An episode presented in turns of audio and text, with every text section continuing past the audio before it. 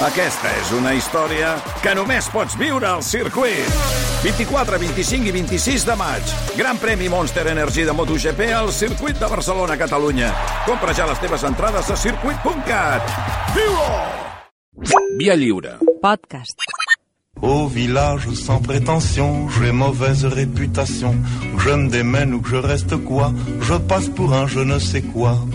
Je ne fais pourtant de tort à personne en suivant mon chemin de petit bonhomme. Mais les braves. Jo em pregunto si aquest tipus de música sona o no sona al Toni 2. Malcom Otero, bon dia, i Santi Jiménez, bon dia. Bon dia. El Hola, Toni bon 2 dia. sona de tot. Sona tot.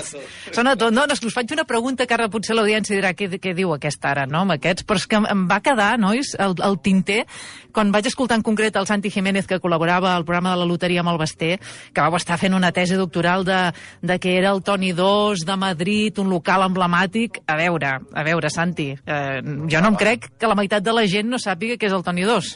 Home, jo crec que a mi em va sorprendre molt que el Basté no ho sabés. Sí. A veure, qualsevol persona, qualsevol persona que va a Madrid ha d'anar al Toni 2. O sigui, el Toni Sí. 2... El Real Mirante. Clar. Eh, que- Carrer Mirante 9, crec que és, a més a més. I, Tu, eh, tu, tu Malcom, també, eh? El coneixes? Sí, sí, sí, sí. eh, és, una, és, un, eh, eh, és, és un piano bar mm. on pots trobar, quals, on pot passar qualsevol cosa. Tu, o, és obrir les portes de l'infern i a partir d'allà jueguen. I, ja La està. fauna més variada de Madrid i pot passar, com diu el Santi, pot passar de tot. Clar, et Des d'enamorar-te a, a que trenquin la cara. És, és, és, és molt variable. Sí, veieu, la, la, el factor enamorar-te també, jo, jo el record que Home. en tinc era més uh, uh, anar-ho a rebentar tot, diguéssim, no? Sí, Enamorar-se enamorar perquè el Malcolm és molt romàntic. Ah, ah. Jo, jo, jo no m'enamoro... O sigui, vol dir pues, un intercanvi de fluids eh, mm, puntual. Eh, sí, deixem-ho aquí. Molt bé, molt bé, és a dir, uh, s'ha entès perfectament. A veure, jo em pregunto, jo no sé qui heu portat avui, però la, la pregunta és òbvia. Eh, estaria bé per anar al Toni 2, aquest el personatge que... que... Home, sí, sí, sí, sí, sí? seria, seria un d'aquests de, de, de Toni 2. Dona, dona bastant el perfil de Toni 2. Ah, sí, sí. a veure, a veure, doncs expliqueu-me, expliqueu-me. Hem de dir A veure. que, que nosaltres no som objectius mai, no, no, podem subje no som objectius mai. Hi ha vegades que fem execrables de gent que admirem i ens cauen bé i ens sap una mica de greu fer-los, perquè també tenim el nostre cor, però Petit. no és el cas d'avui. No ho és. A veure... Avui donarem el carnet d'execrable al bufó de l'imperi. El típic gracioset que li riu les gràcies al poder i que és el pilota del jefe.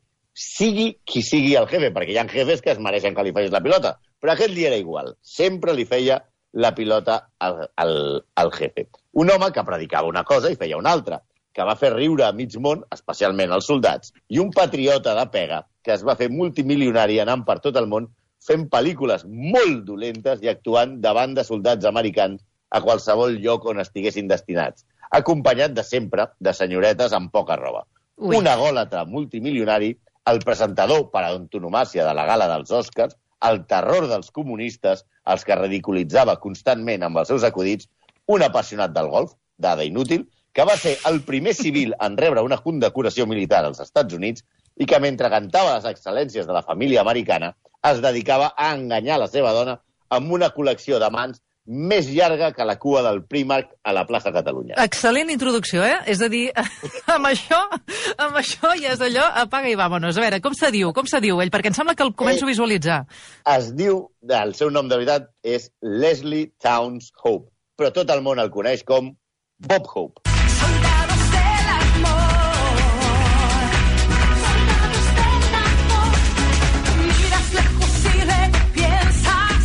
A veure, a veure, a veure, a veure anem a ordenar. cançó, no. Anem a ordenar, deies, perquè això què vol dir? Sí, Marta Sánchez, no? Ara, sonant... Home, clar, Marta Exacte, Sánchez. molt bé. ho he posat Toni perquè 2. sabem Marta Sánchez és molt Toni 2.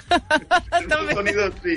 No, sabem que t'agrada molt la música i hem posat una selecció especial per tu. Ah, per començar. Molt bé, bé I, sí. I després, i després, perquè el nostre protagonista d'avui va ser el model de Marta Sánchez quan va anar a animar les tropes espanyoles al golf Pèrsic a cantar-los Soldados de l'amor. Sí, de sí. Fet, Sí, de fet, sí. el nostre Bob Cope, a la seva manera, també va ser un gran soldat de l'amor, com, com veurem ara. Però comencem pel seu origen, que ja ens demostra que aquest home és una gran mentida.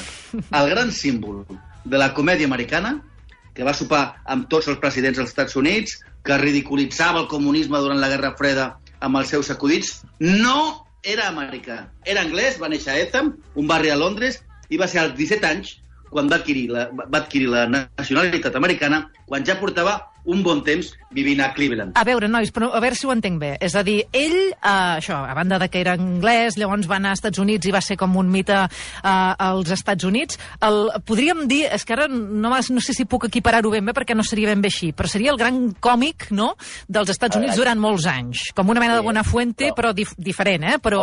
Home, una Va, mica... més- Més aviat seria el Arevalo, l'Arevalo dels Estats Units. Val, molt bé. Doncs... No, no, no, perquè ens posem a situem... l'Andreu, no posem a l'Andreu aquí. No, no, no, no, no, però és per intentar de buscar-hi una similitud.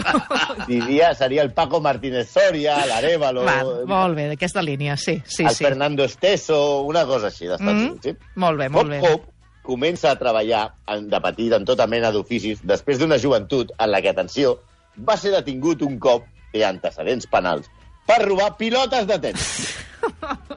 Pilotes de Robar- tennis. Molt bé. Pilotes de tenis. Clar, aleshores ell va comprovar que ell va robar pilotes de tenis i el deté la policia. I comprova que la carrera criminal no està feta per ell. I que com a gàngster no tenia molt a guanyar. Perquè penseu que robar pilotes de tenis és potser el rang més loser de la criminalitat.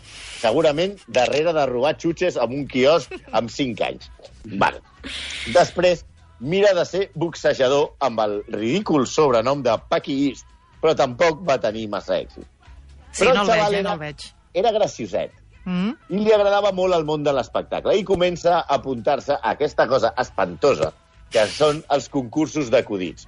I també una cosa que estava molt de moda a l'època als Estats Units, que era concurs d'imitador- d'imitadors de Charles Chaplin, que no, que no sé si saps que Chaplin una vegada es va apuntar a un concurs d'imitador de Chaplin i va quedar tercer. Chaplin va quedar tercer amb un concurs d'imitadors de Charlet. En un d'aquests concursos, de concursos, el veu l'estrella del cinema mut de l'època, que era Fatih Arbuckle, aquell un home que un dia farem a l'execrable perquè té una vida bastant interessant, mm. i el contracta per anar amb ell de gira i actuar a les seves pel·lícules. Aleshores, comença el mite de Bob. Vive en una piña debajo del mar. Su cuerpo absorbe y sin estallar. El mejor amigo que podrías desear. La selecció musical, com sempre, és boníssima, eh? Vosaltres, és a dir, clavant exactament el tema. És a dir, ara el Bob Esponja és el moment, diguéssim, de posar-lo en aquest moment que esteu Clar. de, de, de definició de la seva biografia. Perquè aquest és el Bob que ens, que ens fa gràcia. Aquest ah. és el Bob bo, i no el nostre protagonista d'avui, que era, per dir-ho d'alguna manera, una màquina de fer acudits. Va fer tants acudits que té una sala a la Biblioteca del Congrés d'Estats Units on estan recopilats tots els que va fer eh, a la seva vida com una donació. I això no és broma, que és una de les biblioteques més prestigioses del món. I allà dintre hi ha la sala Bob Cope, on es troba l'arxiu que té 85.000 planes amb els seus acudits di digitalitzats que qualsevol persona pot consultar. Entres, hi ha un ordinador, poses el tema o la paraula que vulguis i et surt un acudit seu sobre la temàtica en concret.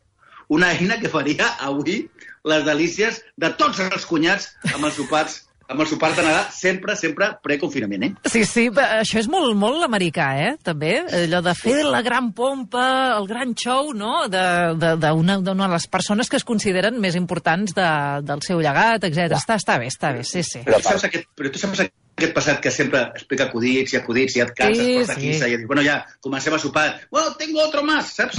Horrible, Com- sí, sí, a mi no m'agrada pues, gent. ell pensa que ell té la sala aquesta perquè realment, com veurem ara, era el gran amic del poder als Estats Units i quan més fatxa, millor. Mm. La majoria d'aquests aquí- acudits, com deia el Malcolm, van sobre dones i comunistes. I Vaja. estem parlant gairebé de 100.000 acudits. Comencem per les dones. Hope tenia un repertori inacabable d'acudits masclistes en els que les dones o eren tontes No. o eren els típics sergents que feien la vida impossible als seus marits. Uns acudits que mai faltaven a les gales de Miss Món, que ell era el presentador més habitual. De fet, entre altres coses, Hope era un presentador professional de gales. Ningú ha presentat, per exemple, més gales dels Oscars que ell, i per aquesta feina va rebre 5 Oscars, 5 premis de l'Acadèmia, tots honorífics, mai pel seu treball a cap pel·lícula, òbviament. Això també eh, és un punt que, que has remarcat ara al final, que, que ajuda a situar el personatge, no? De dir, pot fer moltes pel·lícules, però tots els èxits han set concretament Horribles, totes. Sí, sí. Però, clar, va arribar un dia que a les, les, feministes se'ls van omplir els ovaris i van decidir boicotejar la gala de Miss Món de 1970, que, òbviament, com deia el Santi, presentava, com sempre, Bob Hope al Royal Albert Hall de Londres. Eh, eh, quan va començar la seva intervenció d'acudits reaccionaris, misògins, masclistes, pels de l'ESO són, diguem-ne, Bertino Osborne, va començar una escriassada general de les dones activistes que estaven a la platea, que van treure pancartes amb el lema no som guapes, no som lletges, estem emprenyades. I van començar totes a fumar alhora per tal de que s'activessin els espersors i les alarmes contra el fum. Però s'ha de dir que les dones, tot i que ser, ser un dels seus objectius, no era el seu objectiu, objectiu favorit si el comparem amb els comunistes. Ui, I, so, I especialment els russos. Estem parlant d'una època de, la, de, de, de, de Guerra Freda. Eh? Es va convertir en l'home que, amb un sentit de l'humor més que discutible, va mirar de, sampar, de salvar l'imperi americà a base d'acudits que ridiculitzaven els rivals polítics. Penseu que Bob Hope, Bob Hope va actuar davant dels soldats, dels soldats nord-americans en campament durant la Segona Guerra Mundial, la Guerra de Corea, la Guerra de Vietnam i fins i tot a la Guerra del Golf del 91, quan ja tenia 88 anys, allà amb el taca-taca. Suposem que, suposem que les proves eren les mateixes, però devia canviar els russos pels àrabs. Ell va escriure, obro cita, que l'oncle Sam va ser sempre el meu productor i director. Mai treballaria per cap altre. Tanco cita. Aquest patriotisme va fer que durant la Guerra de Vietnam la seva fama, la seva fama decaigués entre els joves pacifistes, hippies, contraris al conflicte, que veien que el veien com un falcó que defensava, òbviament, la guerra.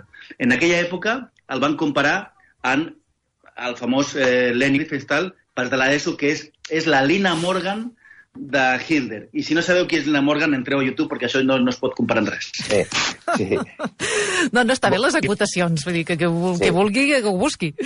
Sí, im imagineu-vos, eh? Vull dir, Hope va fer mans i mànigues, tot i que era el, el gran ridiculitzador de, de, dels, dels russos a la Guerra Freda, va fer mans i mànigues per poder anar a actuar a Rússia quan cap americà podia actuar a Rússia, en plena Guerra Freda. Eh? Mm. Finalment ho va aconseguir després de la famosa visita de Nikita Khrushchev i la seva dona als Estats Units a l'any 58. Era un període d'intent de distensió de la Guerra Freda després de la crisi dels missils de Cuba. La 20th Century Fox, que era com el Netflix de l'època, pels de l'ESO, li va organitzar a Khrushchev un sopar de gala i van situar a la dona del Premier soviètic entre, atenció, entre Frank Sinatra i Bob Hope.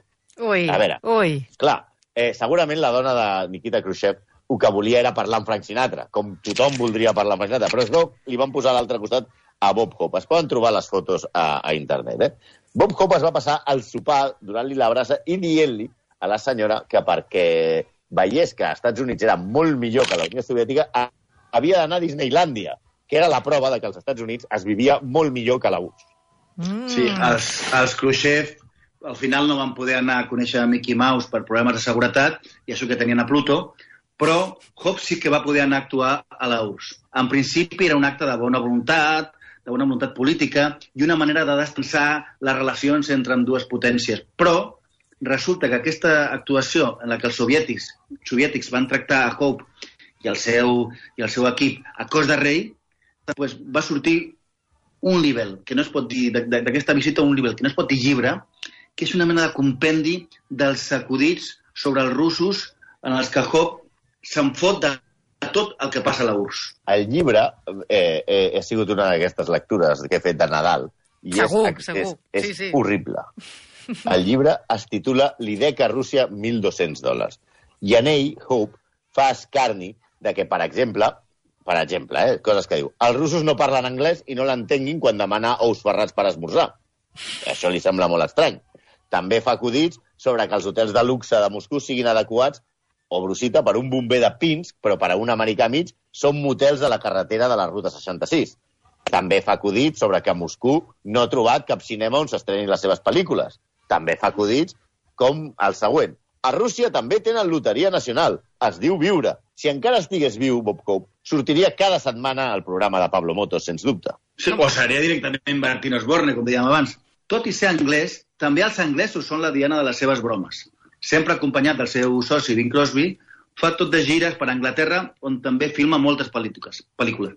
La seva ridiculització dels anglesos també és bastant patètica, així com la dels russos, amb acudits de la mena de es, ens van allotjar a la típica casa senyorial anglesa en 57 habitacions i un sol bany, que anomenaven el fossat i que donava la volta al castell. I això que ell era anglès de naixement. Yo no puedo comprender cómo se pueden querer dos mujeres. A veure, tenim clar fins ara que estem parlant d'un senyor reaccionari que explica acudits que no fan gràcia, que es dedica a humiliar dones, que és més fatxa que Don Pelayo i que pensa que els comunistes fan pudor de sofre, tenen banyes i cua punxeguda. Que creu que tot el que no sigui americà i de dretes és tercer món.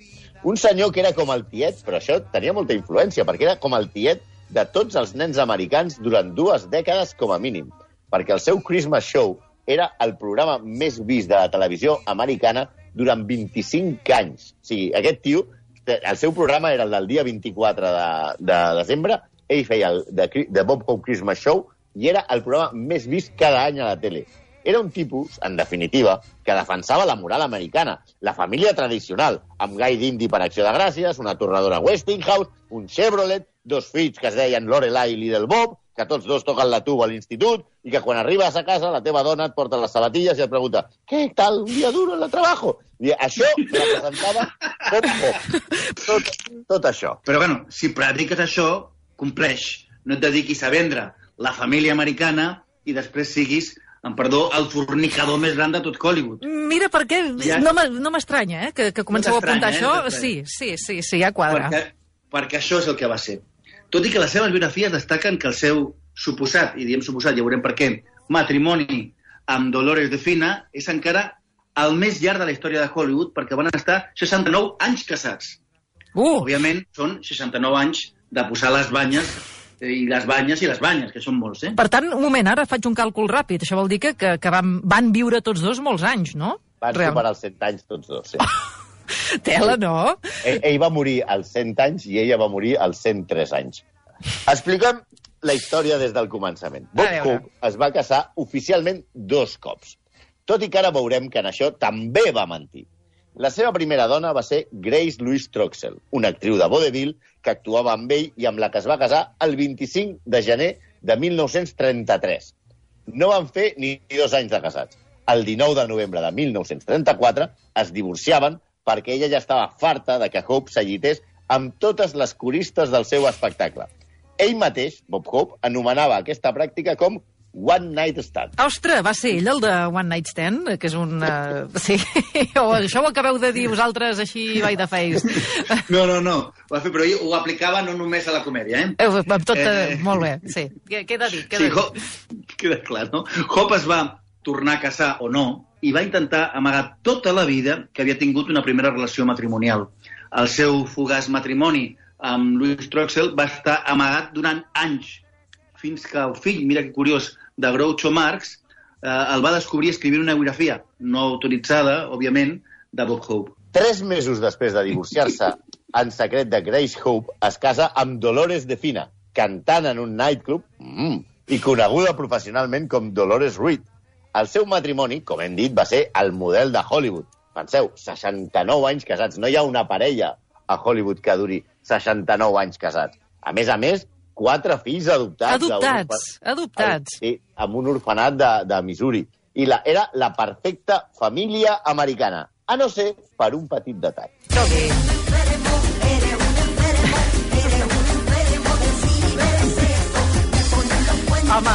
aquí és que, clar, és a dir, amb aquestes músiques, de veritat, eh? Sí, ja, ja, ja, el missatge ja l'he entès, ja l'he entès, però bueno. l'has captat, no? Sí, sí, és fàcil, és fàcil.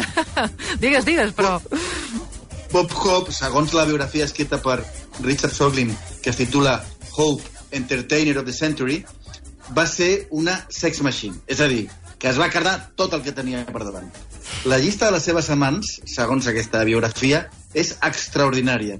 Hi havia, com ja hem dit, one night stands, noies que ballaven o feien de florero de raseu, que, segons explica un dels seus col·laboradors, col·laboradors feien cua a la seva habitació d'hotel per demanar-li una pròrroga del seu contracte. O sigui, rotllo Plácido Domingo. Ui, ui. I altres, i altres amants ja amb consideració de querides oficials i a la, que la majoria, i això és molt trist, van acabar molt malament. Terrible, Ja. eh? Digues, digues, Santi.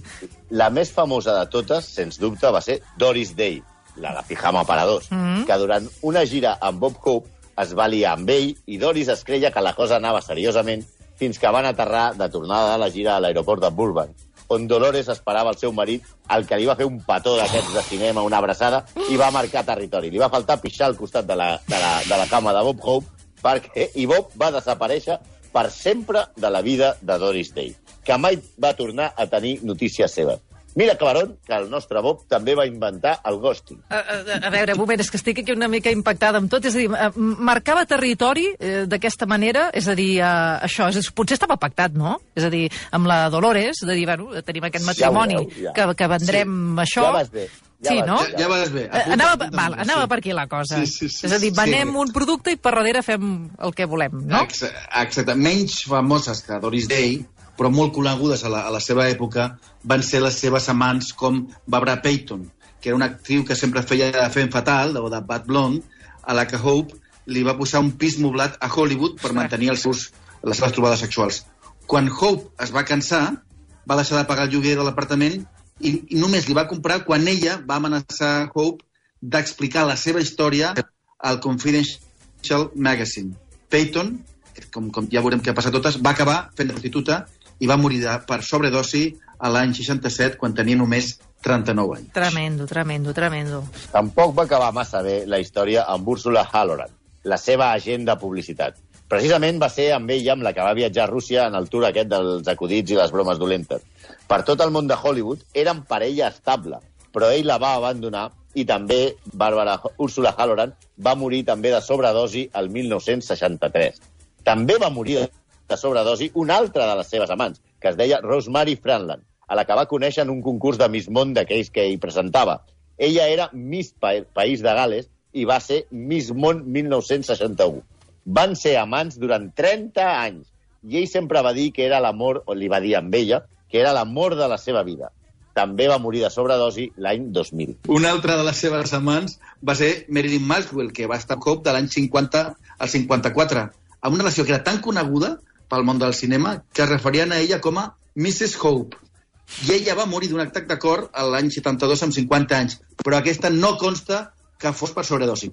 No, evidentment no, però tampoc devia portar molt bona vida. Evidentment, totes aquestes aventures les coneixia, com tu deies, Mireia, la seva dona Dolores. Però aquí arriba un altre dels misteris de la vida de Bob Hope. Segons la biografia de Zoglin, Dolores i Bob Hope no es van casar Uh. mai, sinó que ho feien veure.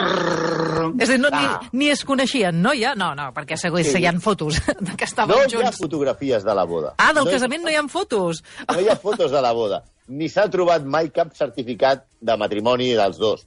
Simplement Dolores era una catòlica radical que tenia molt clar que no podia casar-se amb un home divorciat i que aguantava carros i carretes com a penitència per haver-se enamorat de Bob Hope. Això sí, al final de la vida de Bob Hope va aconseguir que en els seus últims anys de vida, com dèiem, Hope es fes catòlic. Suposem que per això ha de perdonar els pecats. I fins i tot, quan va morir, el papa el va condecorar. Amb aquesta vida modèlica no ens estranya que el papa l'admirés. Que és que Bob Hope va morir més d'un cop, més d'un cop. I és el No. que té quan, quan vius més de 7 anys, que els mitjans de comunicació no es poden aguantar les ganes. I ja et van Això és matant. horrible quan passa. Oh, no, és horrible. A veure, a veure, com va anar la cosa? El primer va morir l'any 98, quan va sortir public, pu- publicat per error el seu obituari, que la Societat Press tenia preparat si per, per equivocació. El va enviar i va sortir a tot arreu. Home, és que això és El allò... 2003, abans de la seva mort real, la CNN, aquesta que tant a Trump, va donar la notícia de la seva mort que no es va conf- confirmar fins al 23 de juliol del mateix any. Abans, el dia que complia 100 anys, la, la cantonada entre Hollywood Boulevard i Vine Street a Los Angeles va ser rebatejada com a Bob Hope Square. I el dia del seu aniversari va ser declarat com a Bob Hope Day en 35 estats dels Estats Units. I a nosaltres ens segueix sense fer ni puta gràcia. No, no. Seguim igual que el 2020. Però a mi m'agrada el dia Bob Cobb. T'imagines què fem aquest pont Arevalo? Eh, Exacte. què fem? Anem a esquiar? El dia Fernando Esteso. Exacte. Bueno, un plaer, eh? Uh, Molt execrables, sí, sí. A veure si ens Ah, veiem un molt altre... millor amb tu, eh? No, no marxis. millor. No, eh? no comencem Molt així, millor. no comencem Sí, així, sí. que... I además ens confirmen que no estaven mirant el mòbil. Quan el, quan el Bundó ens convidi al, al Feia Can Roca, si vols venir, també pots Em venir. sembla... Mira, això sí que m'hi agafo, veus? Aquesta proposta. Vinga, que vagi molt bé fins la setmana que ve amb el Xavi. Vinga, adeu. Adéu. Tout le monde viendra me voir pendu, sauf les aveugles, bien entendu.